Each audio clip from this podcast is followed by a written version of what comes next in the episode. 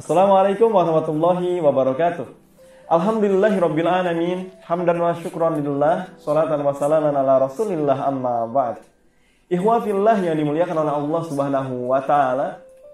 Mudah-mudahan Allah senantiasa memberikan kita semua kesehatan dan juga Allah mudahkan kita untuk berbuat ketaatan di setiap napas yang kita hembuskan, bahkan sampai napas terakhir kita, kita berada dalam ketaatan kepada Allah Subhanahu wa taala. Dan juga salawat serta salam mari kita curah limpahkan ke baginda tercinta, yakni habibana wa nabiyana wa maulana Rasulullah Muhammad sallallahu alaihi wasallam. Kepada keluarganya, sahabatnya, dan mudah-mudahan sampai kepada kita semua selaku umatnya. Amin ya Allah ya rabbal alamin. Ikhwafillah yang dimuliakan oleh Allah Subhanahu wa taala. Kini kita menginjak pada tanggal 29 Mei tahun 2020. Di mana pada tanggal 29 Mei terdapat peristiwa yang sangat bersejarah bagi kaum muslimin. Begitupun bagi kaum Nasrani. Namun yang membahagiakan bagi kaum muslimin dan menjadi peristiwa yang memilukan bagi kaum Nasrani. Memangnya ada apa yang ada apa pada tanggal 29 Mei ini? Ya, pada tanggal 29 Mei yaitu dengan wasilah yang dipimpin oleh sultan salah satu sultan yang luar biasa yakni Fatih Sultan Mehmed Khan dan juga tentara-tentara yang dipimpinnya berhasil membebaskan kota Konstantinopel dan sekarang dikenal dengan kota Istanbul. Dengan dengan begitu pada tanggal 29 Mei ini, kini saya akan memulai di channel ini untuk membahas mengenai sejarah ataupun tarikh Daulah Utsmani.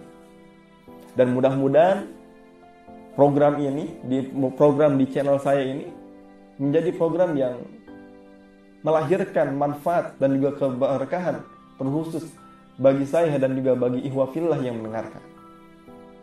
Nah, ikhwafillah yang dimuliakan oleh Allah Subhanahu wa taala, Daulah Utsmani. Kira-kira ketika saya sebutkan, ketika kawan-kawan ikhwafillah semua mendengarkan Daulah Utsmani, apa yang terbayang? Yang mana Daulah Utsmani ini adalah daulah kaum muslimin, daulah Islam yang terkenal dengan kemegahannya, yang terkenal dengan kehebatannya, bahkan sampai tidak ada negara yang mampu menjadi analogi ataupun um, mengalahkan akan kehebatan, kebesaran Daulah Utsmani di dunia. Daulah Utsmani ini didirikan oleh Utsman Ghazi di mana nama pendiri ini menjadi cikal bakal dari nama Daulah Islam ini yaitu Osman le Daulati ataupun Daulah Daulah Utsmani ataupun negara Utsmani banyak nama yang disematkan kepada Daulah Utsmani ini, kepada Osman le Daulati ini. Seperti halnya Osman le Imperatorlu, Kekaisaran Utsmani. Ataupun Barat modern menyematkan namanya dengan sebutan Kekaisaran Ottoman.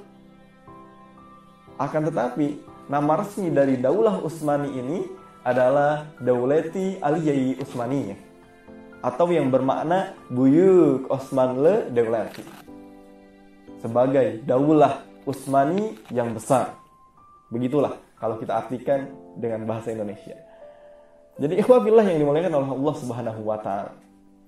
Daulah Utsmani didirikan pada tangga, pada tahun 1299 dan sampai bertahan pada tang, uh, pada tahun 1922 ataupun ada yang menyebutkan pada tahun 1924 diresmikannya yaitu diresmikan akan runtuh Daulah Utsmani ini. Daulah Utsmani saat itu merupakan kadipaten kecil.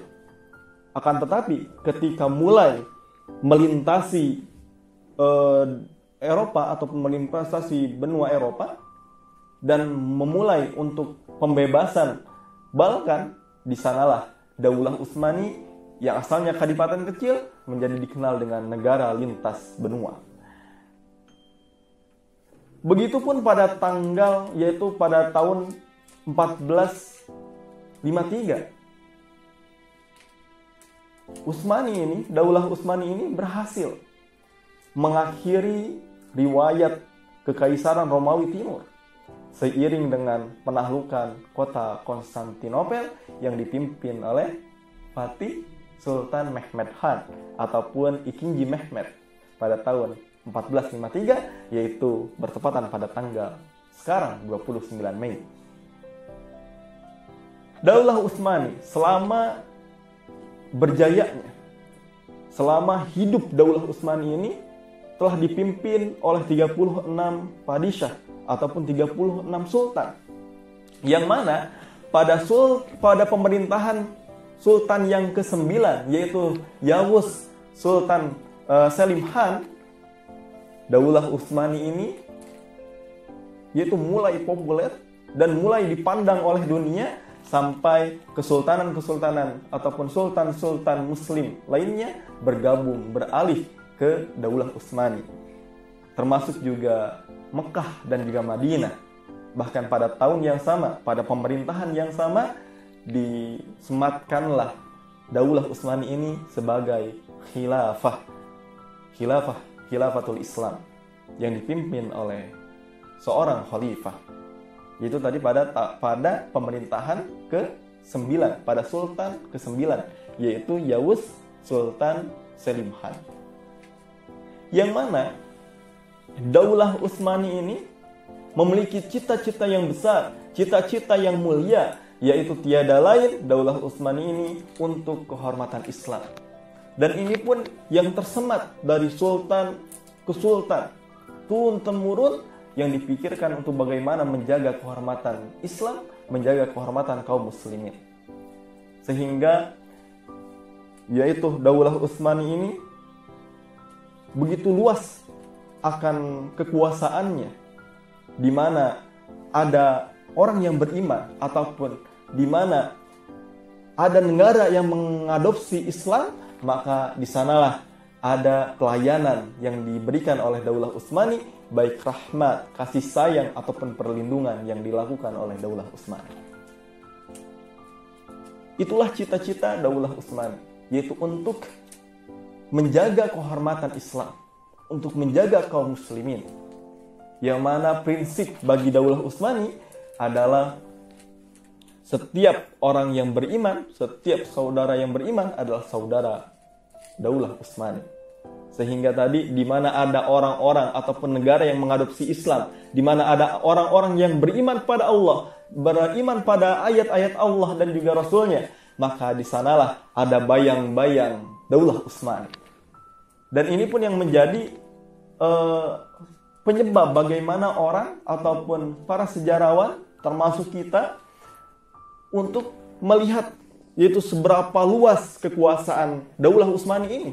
Karena prinsipnya yang tadi, selama ada orang yang beriman, selama ada masyarakat yang beriman pada Allah dan juga pada ayat-ayat Allah, beriman kepada Rasulnya, maka sampai sanalah bayang-bayang ataupun bayangan uh, daulah Utsman. Kita lihat termasuk juga kepada Nusantara. Kita lihat bagaimana Aceh terkenal dengan uh, yaitu sebutan Aceh Osmanlı. Bahkan dalam literasi Turki ada yang nama itu buku yang berjudul uh, Negara Jauh Timur, yaitu Aceh sebuah negara jauh timur yang berada di sayap-sayap uh, uh, Daulah Utsmani. Masya Allah. Itu luar biasa. Inilah sebagai nama itu khilafah, khilafatul Islam. Negara Islam, daulah Islam. Sehingga daulah Utsmani ini mendapatkan amanah sebagai uh, yakni penjaga dua negeri eh, dua kota suci yaitu kota Mekah dan juga Madinah. Hadimul Haramain. Bukan Hakimul Haramain. Inilah begitu besarnya Daulah Utsmani. Bahkan sampai orang-orang kafir, orang-orang non-muslim, orang-orang yang di luar mengadopsi Islam itu sangat takjub terhadap Daulah Utsmani ini. Jadi ikhwafillah yang dimuliakan oleh Allah Subhanahu wa taala. Kita lihat dari cita-citanya Daulah Utsmani, termasuk juga prinsip Daulah Utsmani, cita-citanya untuk menjaga kehormatan Islam Terus prinsipnya di mana ada orang yang beriman kepada Allah, di sanalah mereka lah saudara daripada Daulah Utsmani.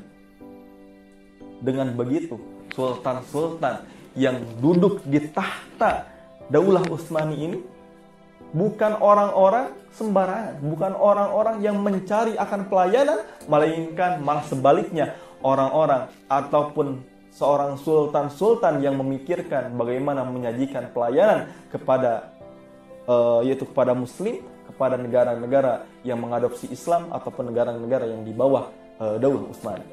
Negeri-negeri yang di, uh, di bawah Daulah Utsmani. Jadi ini cukup menarik ketika kita mendengar akan Utsmani yaitu daulah Islam terbesar. Bahkan sampai namanya itu eh, kehidupannya itu berjaya sampai berusia 6 abad lebih. Yaitu pada tahun 1299 sampai dengan 1924 ataupun 1922. Nah, oleh karenanya ini yang menjadi motivasi kita untuk mendalami sejarah eh, gemilang uh, daulah Islam dan kita uh, cari tahu bagaimana sistemnya. Termasuk sebelumnya mari kita kenalan dengan padisah-padisah secara singkat yaitu padisah-padisah yang duduk ataupun sultan-sultan yang duduk di tahta Daulah Utsmani.